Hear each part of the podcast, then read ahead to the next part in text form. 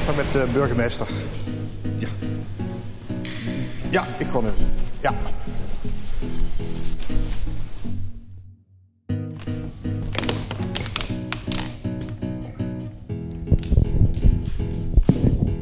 Hallo.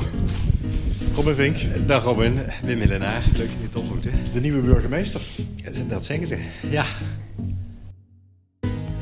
Dit is De Burgemeester, een podcast over de nieuwe burgemeester van Maastricht, Wim Hillenaar. Zo waarlijk helpen mij. God almachtig. Ik volg hem in het eerste jaar in zijn nieuwe stad. Hoe begin je als burgemeester van buiten in een stad als Maastricht? Burgemeester zijn van Maastricht, dat is de kunst van het balanceren. Welke moeilijke knopen moet je doorhakken en hoe zorg je dat je, op zijn Maastricht gezegd, erne van us wordt? Je hoort het in deze podcast, De Burgemeester. Volgens mij schept heel Maastricht er een genoegen in om mij slapeloze nachten te laten krijgen voor de Mach-7-verdrag. Dit is aflevering 1, de kennismaking. Dan ga ik gewoon zo zitten. Ja, nou ja, de eerste opname. Hij loopt. Laat ik dat nog even checken. Half negen 's ochtends. Begint u altijd zo vroeg?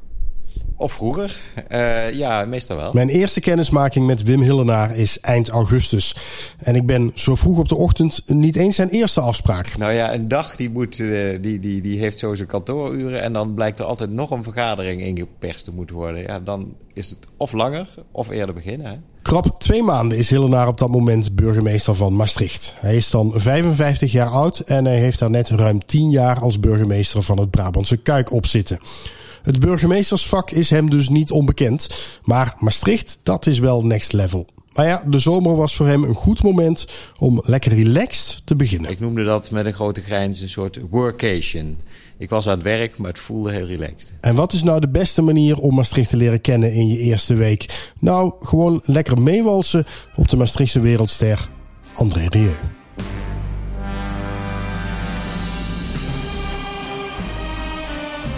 Kunt naar een heel precies programma willen. Je kunt ook, en dat is, dat is de weg waar ik voor gekozen heb, je kunt er ook gewoon in duiken. Die eerste twee weken waren dat natuurlijk al een beetje. In je eerste week eh, een aantal André Rieu concerten hebben bijvoorbeeld... die voor de gemeente natuurlijk ook een soort netwerkevent zijn. Ja, dat is letterlijk erin duiken. En dat is ook voelen eh, ja, wat, wat, wat deze stad ook echt aan bijzonders te bieden heeft. En zo is Wim Hillenaar op die vroege ochtend in augustus aan het eind van de zomer best al geland in zijn nieuwe stad. Ja, ik vind van wel. Maar, maar goed, misschien vraagt Maastricht zich nog wel af... wie is die man eh, die daar in de zomer met zijn pak rondloopt. Ja. Laten we even teruggaan naar eh, hoe het zo gekomen is. Hè, op een gegeven moment ontstaat hier eh, een vacature voor een nieuwe burgemeester. Gaat de gemeenteraad op zoek. U bent eh, meer dan tien jaar burgemeester van Kuik geweest. Daarna werd het een fusiegemeente, Land van Kuik. Was u waarnemend burgemeester. Daar wilde u eigenlijk graag blijven. Ehm, de gemeenteraad koos toen voor iemand anders. Dat lijkt me ergens ook wel een beetje pijnlijk. Ja, dat, eh, nou ja, dat zou ik ook om jokken als ik zei dat dat niet zo was. Eh, en, en achteraf heb je natuurlijk allemaal redeneringen waarom dat misschien zelfs heel verstandig is geweest. En, en als je dan hier mag landen, dan is het helemaal het verhaal, het heeft zo moeten zijn. Maar dat, dat is onmiskenbaar. Dat waren, dat waren even andere toekomstperspectieven die we, die we toen hadden. Ehm, ja, en dan zie je ook hoe, hoe, eh, hoe het toeval in het leven een, eh, een rol eh, speelt. Hè? En dat het soms door anderen bepaald wordt. En, uh, en zo is het natuurlijk ook bij een selectieprocedure uh, van de burgemeester. Dat uh, niemand die zijn vinger opsteekt weet dat hij het wordt. En u bent daar wel goed weggegaan uiteindelijk? Vind ik wel. en ik heb ook een fantastisch goede opvolgster daar gekregen. En ja, nee, ik, de, de, ik, heb, ik, ga er met, ik ben er met een warm gevoel weggegaan. En volgens mij was dat ook absoluut wederzijds. En misschien heeft u nu wel het gevoel van uiteindelijk heb ik toch de jackpot te pakken. Zonder meer. Ik noemde het niet voor niets de hoofdprijs. Ja, ja. Wat was het moment dat u dacht, uh, het, hè, dus, dus u kon niet verder als burgemeester in Land van Kuik, dat u dacht, nou dan ga ik gewoon naar Maastricht solliciteren? Ja, nou daar gaat, daar gaat in zoverre iets aan vooraf. Ik, ik, heb het jaar voor die procedure wel uh, goed nagedacht. En daar, is, daar heeft de, de club van burgemeesters, het genootschap, ook een voorziening voor. Hè, dat, je, dat je met elkaar op een soort training, een loopbaanadviestraject volgt. En daar kwam voor mij zo met stip uit van jouw volgende baan is gewoon burgemeesterschap.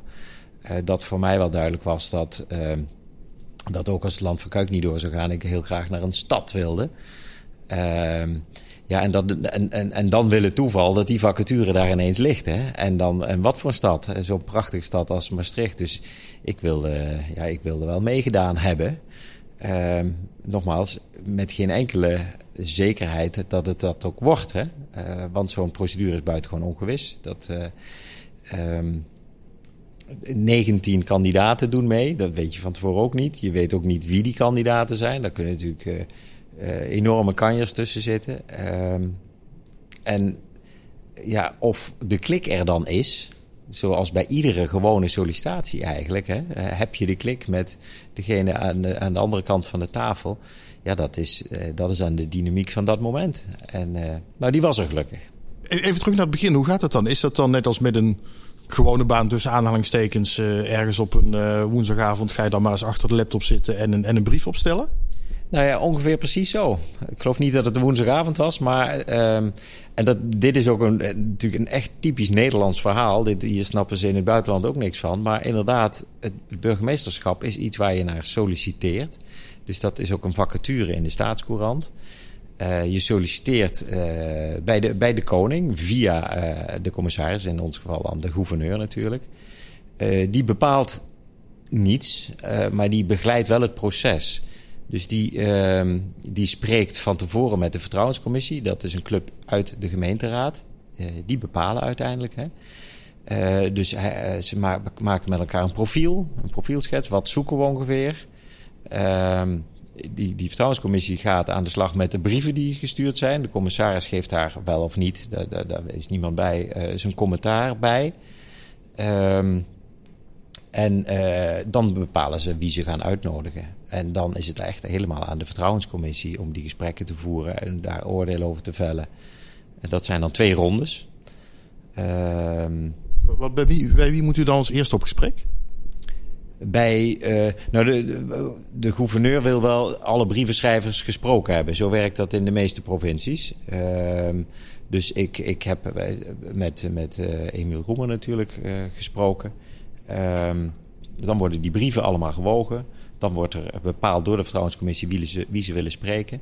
En dus de tweede, en eigenlijk zeg maar je eerste echte sollicitatiegesprek, dat is dan voor de vertrouwenscommissie. En dat was in ons geval nu, ik geloof, een groep van acht raadsleden. En daar schuiven dan bij aan een uh, wethouder, uh, de griffier en de gemeentesecretaris. Dus dan zit je toch tegenover elf mensen je best te doen. Dat is wel een behoorlijke commissie. Dat lijkt me ergens best wel intimiderend als je voor elf mensen een sollicitatiegesprek moet houden. Dat heb ik in ieder geval nog nooit meegemaakt. Nee, maar uh, ja, zo werkt het wel. Dat weet je van tevoren. Sterker nog, uh, de Raad van Maastricht heeft natuurlijk 16 fracties. Dus het is al heel wat dat ze hebben bepaald dat niet alle fractievoorzitters erin zitten. Want anders had je had je tegenover 19 man gezeten. Ja, dit is dus hoe de sollicitatieprocedure voor een nieuwe burgemeester gaat. De vertrouwenscommissie, met daarin een aantal leden van de gemeenteraad, voert gesprekken met de belangrijkste kandidaten. En uiteindelijk kiezen ze er daarvan twee uit. En die leggen ze weer voor aan de hele gemeenteraad. En die kiest dan weer voor één van die twee kandidaten om de nieuwe burgemeester te worden. Wim Hillenaar kreeg dus op zeker moment te horen dat hij bij die laatste twee zat. Maar dan weet je dus eigenlijk nog niks. Dus je weet, dan en dan is raadsvergadering. En dan wordt er bekendgemaakt uh, wie het wordt. Dus dat is. Dat is uh, ja, dan, je krijgt de link van de streaming van de raadsvergadering. Maar uh, dat is dan een wonderlijke avond hoor. Want dat is een avond waarin je ofwel samen met je vrouw het, het spannend hebt gevonden, rustig naar bed gaat daarna en niemand weet ervan. Hè? Ofwel een spannende avond samen met je vrouw en daarna weet iedereen ervan en is het uh, verandert je leven, ja. En dat was bij u het geval, want ja, u kreeg uiteindelijk, nee, u kreeg geen telefoontje, u zag het live op die livestream gezegd worden dat u de nieuwe burgemeester van Maastricht werd. Nou, dat is, dat, dit gaat in een besloten vergadering. Uh, en, en na afloop van zo'n besloten vergadering wordt de kandidaat wel gebeld. Zo is het dan wel. Uh, en dan wordt het inderdaad publiekelijk meegedeeld. Dus ik, het is niet zo dat je het, dat je het op televisie ziet uh, gebeuren, zeg maar. Uh, ja, en die vertrouwelijkheid, misschien moet ik daar toch ook iets over zeggen. Want daar, daar doen mensen. Uh, ja, dat vinden mensen eigenlijk ook best een beetje wonderlijk hoe dat werkt. Um, en en, en dat, dat ruikt als achterkamertjes of op zijn Nederlands. Hè. Daar, daar, daar kun je cynisch over doen. Maar eigenlijk, als ik uitleg, het is een sollicitatieprocedure. Ja, iedere sollicitatieprocedure heeft iets vertrouwelijks in zich. Want ook als je het niet wordt, wil je wel gewoon door kunnen gaan met je, het werk wat je daarvoor deed. Hè? Uh, dus eigenlijk vraag ik mensen wel begrip voor die vertrouwelijkheid. Want dat is eigenlijk juist heel belangrijk. Want dat kandidaten zich vrij voelen om zich te kandideren zonder zichzelf te beschadigen. En, en dan de, de sportvraag, wat gaat er op zo'n moment door je heen? Ja, die sportvraag is voor sporters ook moeilijk te beantwoorden. Maar dat is, het is wel, in die zin is de vergelijking mooi. Het is wel het gevoel van winnen. Van yes, uh, wauw, ja, dat, dat zonder meer, zonder meer. En uh, nou ja, die avond duurde ook best lang. Dus, dus, dus, dus er zit ook iets van een opluchting in.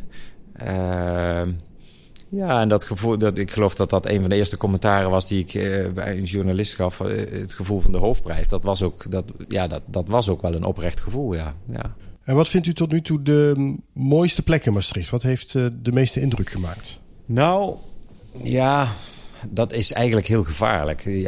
Als je dat aan een burgemeester vraagt. Maar daarom vraag ik het.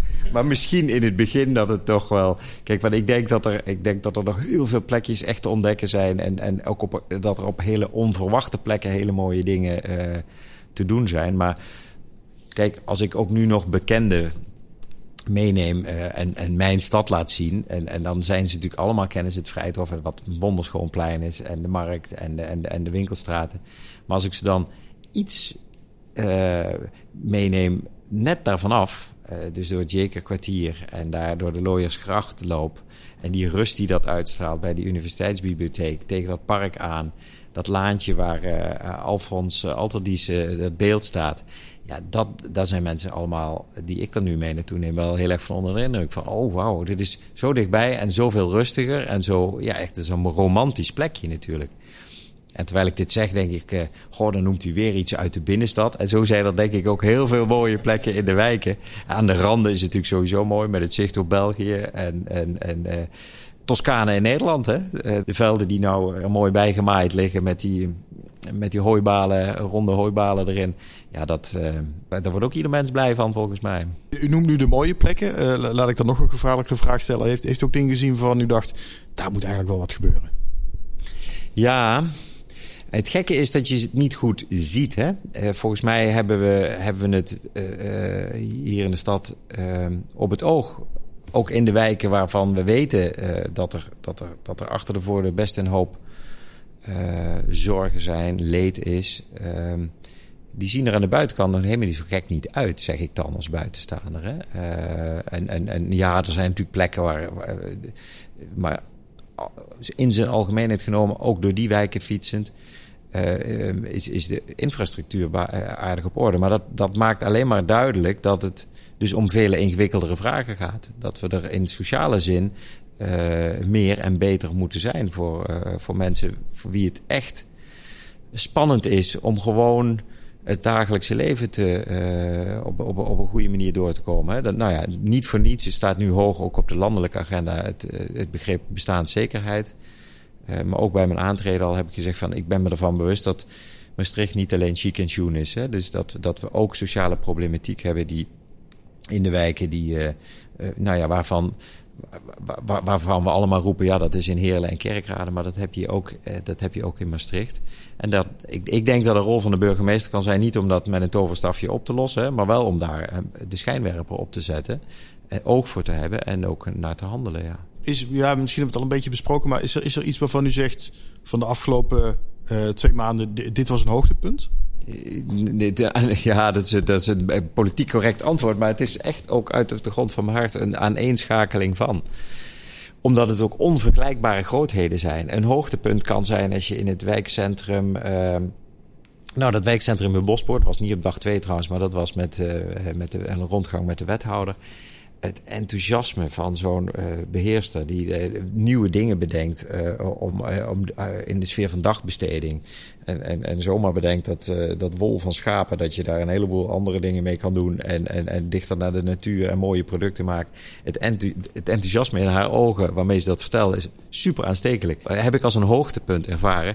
Nou ja, maar als André Rieu optreedt en je hoort Emma zingen. En, en, en je ziet gewoon de ogen vochtiger worden van de mensen links en rechts van je. Dan ja, dat is natuurlijk ook een hoogtepunt. En dat is allemaal in Us, Sjoen Maastricht. En zo begint Wim Hillenaar zich langzaam maar zeker thuis te voelen in Maastricht. Maar het was natuurlijk niet alleen maar door de wijken fietsen en meewalsen met André Rieu in die eerste maanden. Er moesten ook serieuze knopen worden doorgehakt. Een van de dossiers die al heel snel op het bordje bij Hillenaar kwam te liggen was het onderzoek naar de rol van de gemeente in de Tweede Wereldoorlog. Uit dat onderzoek bleek dat de gemeente Maastricht in de oorlog te makkelijk heeft meegewerkt met de nazi's bij de jodenvervolging. Gelijk een gevoelig onderwerp dus. Ik geloof dat het in mijn tweede week was uh, dat ik uh, uh, de begeleidingscommissie had van het onderzoek.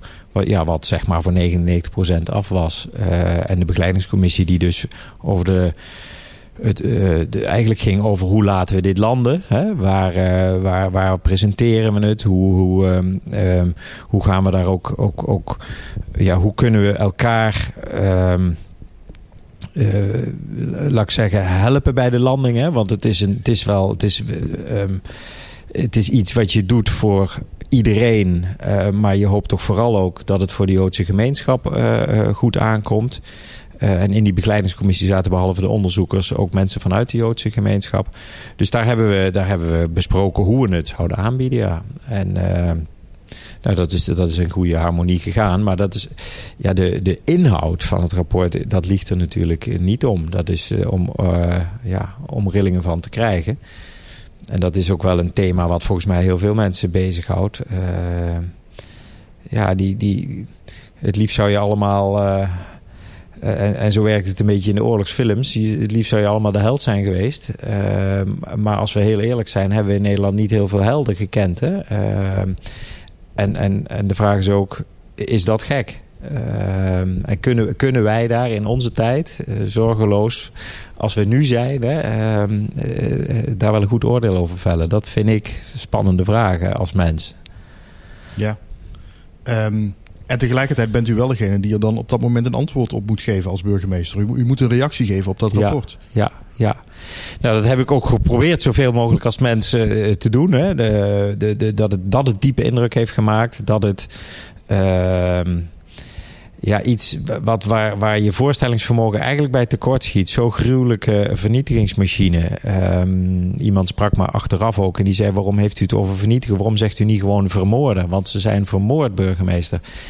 Um, en zo zie je hoe, hoe nauw woorden luisteren, want dat is natuurlijk zo. Het was een moordmachine, uh, systematisch. Um, en, en daar heb je uh, als bezet land.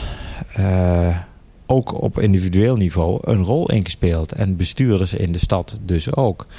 En dat is. Uh, ja, ik blijf dat een super ingewikkelde vraag vinden. Uh, uh, als je me op jezelf projecteert. Wat, wat zou ik hebben gedaan? Kan ik me überhaupt een voorstelling maken van de druk, als die er is, wel of niet? Ehm, hoe, je, hoe je daaronder geacteerd zou hebben. Je kan alleen maar hopen als mensen dat je het naar vermogen het allerbeste zou hebben gedaan. Ehm, en, en daarvan is de vaststelling in dit rapport, ja, er is, er is wel, er is niet echt gebleken van, van verzet. Uh, of, of tegenstribbelen, of welke woorden je daarvoor uh, voor wil gebruiken. Uh, tot en met zelfs hier en daar uh, medewerking die, die, ja, die we nu met de bril van nu ook wel als, als, iets, te, als iets te voortvarend betitelen. Ja, dat zijn natuurlijk hele pijnlijke uh, constateringen. Op 27 september was de presentatie van het uh, rapport Onvoltooid Verleden in de synagoge in Maastricht. Hillenaar sprak daar over spijt en schaamte over de rol van de gemeente in de oorlog. Maar hij gebruikte niet het woord excuus. Daar kwam commentaar op vanuit de Joodse gemeenschap. Um, kijk, ik, ik heb echt geprobeerd ook niet bij woorden die, die, die, weg te blijven. Dus in mijn beleving heb ik, daar, heb ik dat ontvangen vanuit het idee. Die, um, zo hoort het niet en dit willen wij niet zijn als bestuur. En ja, misschien moet ik ook wel zeggen, had ik, en zeker achteraf, had, ik daar nog meer. Ik heb woorden van spijt en schaamte gebruikt. En in mijn beleving was het wel degelijk bedoeld als een excuus. Uh, maar ik hoor ook wel geluiden terug van had dat nou expliciet gedaan? En uh, het gekke is, daar heb ik geen seconde bij weg willen blijven of zo. Ik heb daar niet omheen willen fietsen. Uh, dus wat mij betreft zijn die op zijn plaats. Hè? En, en gaan we nog wel naar het moment en zoeken om die ook om, om die ook nog kracht bij te zetten. Ik zag dat er inderdaad wat verwarring over was ontstaan. Dus dat had ik, vroeg me nog wel af van hoe zit Ja, dat is nou natuurlijk eeuwig zonde. Want als je zo'n mooi moment creëert, dan wil je ook eigenlijk dat dat, dat, dat eh, bij iedereen goed valt. En, en, en, en ik dacht het eh, goed voorbesproken te hebben, ook juist eh, met degene voor wie je het vooral doet. Hè. Ehm, maar daar hebben, we, daar hebben we in die expliciete zin er ook niet voldoende misschien bij stilgestaan dan.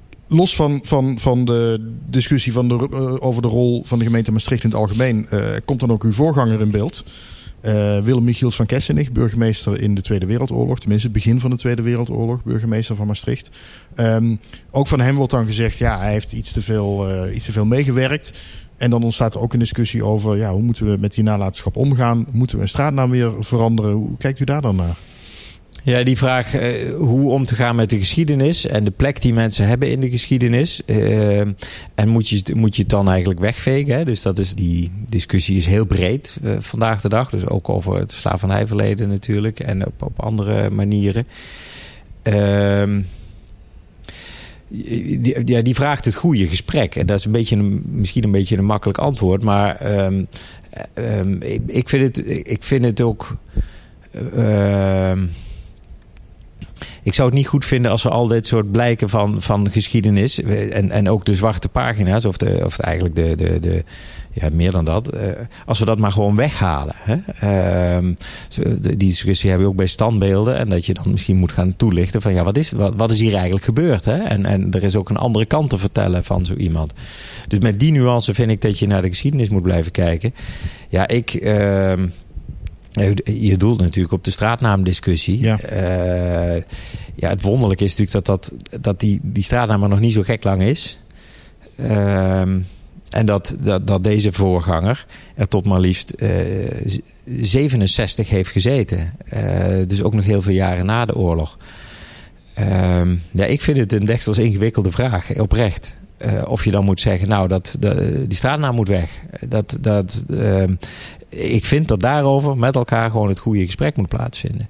En eh, dat, dat is meer dan de koppen tellen in de gemeenteraad of iets dergelijks, wat mij betreft. Ehm, maar eh, ja, ik, ik vind het ook wat om met de bril van nu en met de wijsheid van nu. eh, de wijsheid in pacht te hebben om, om, zo, om, te blij, om te oordelen over de geschiedenis. Of het nou over de slavernij of over wat allemaal afschuwelijk was. Ehm, maar we hebben er in het heden mee te dealen. En, we, en dat moeten we op een zodanige manier doen dat we, er in het, dat we die fouten in het heden niet meer gaan maken. En ehm, dat is eigenlijk al moeilijk zat.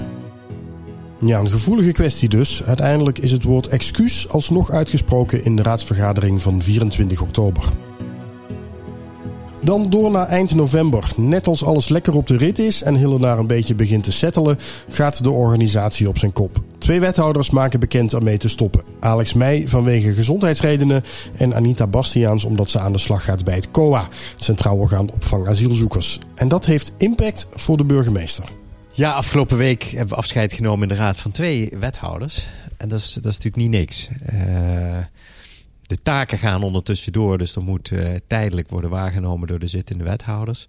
Eh, ja, en dan, eh, en dan ook kijken hoe de posten straks definitief bezet gaan worden. En dat is spannend, want iedere wijziging in een team maakt eigenlijk het hele team nieuw. En dat is, dat is voor iedereen spannend. Maar bovenal is het ook gewoon in menselijke zin. Hè? We vergeten wel eens, politiek is net als ieder ander bedrijf of, of, of, of in een gezin. Het draait allemaal om mensen. Dit is mensenwerk. Uh, en, uh, en een vertrek en zeker de omstandigheid waaronder uh, Alex Meij afscheid heeft genomen. Omdat het een, toch gewoon ook fysiek te zwaar werd. Ja, dat is, heel, dat is eigenlijk heel treurig. Wat, wat betekent dat voor u als, als toch relatief nieuwe burgemeester in deze stad? Met ineens, ja, dat dit dan ineens gebeurt. Ja, even slikken. Uh, kijk, weet je, dat in. in uh, ik zit er nog te kort om me al verknocht te hebben aan de mensen. Maar zo zit ik wel in elkaar. Uh, uh, dat, dat je, je, je werkt in een team. Dus je, ja, je verbindt je aan elkaar. Um, en naarmate dat langduriger is, is, wordt het ook pijnlijker natuurlijk. Um, nou, dus in die zin zou ik kunnen zeggen, die pijn wordt je nog bespaard. Maar van de andere kant uh, is, dit, is dit wel een onrustig begin, ja.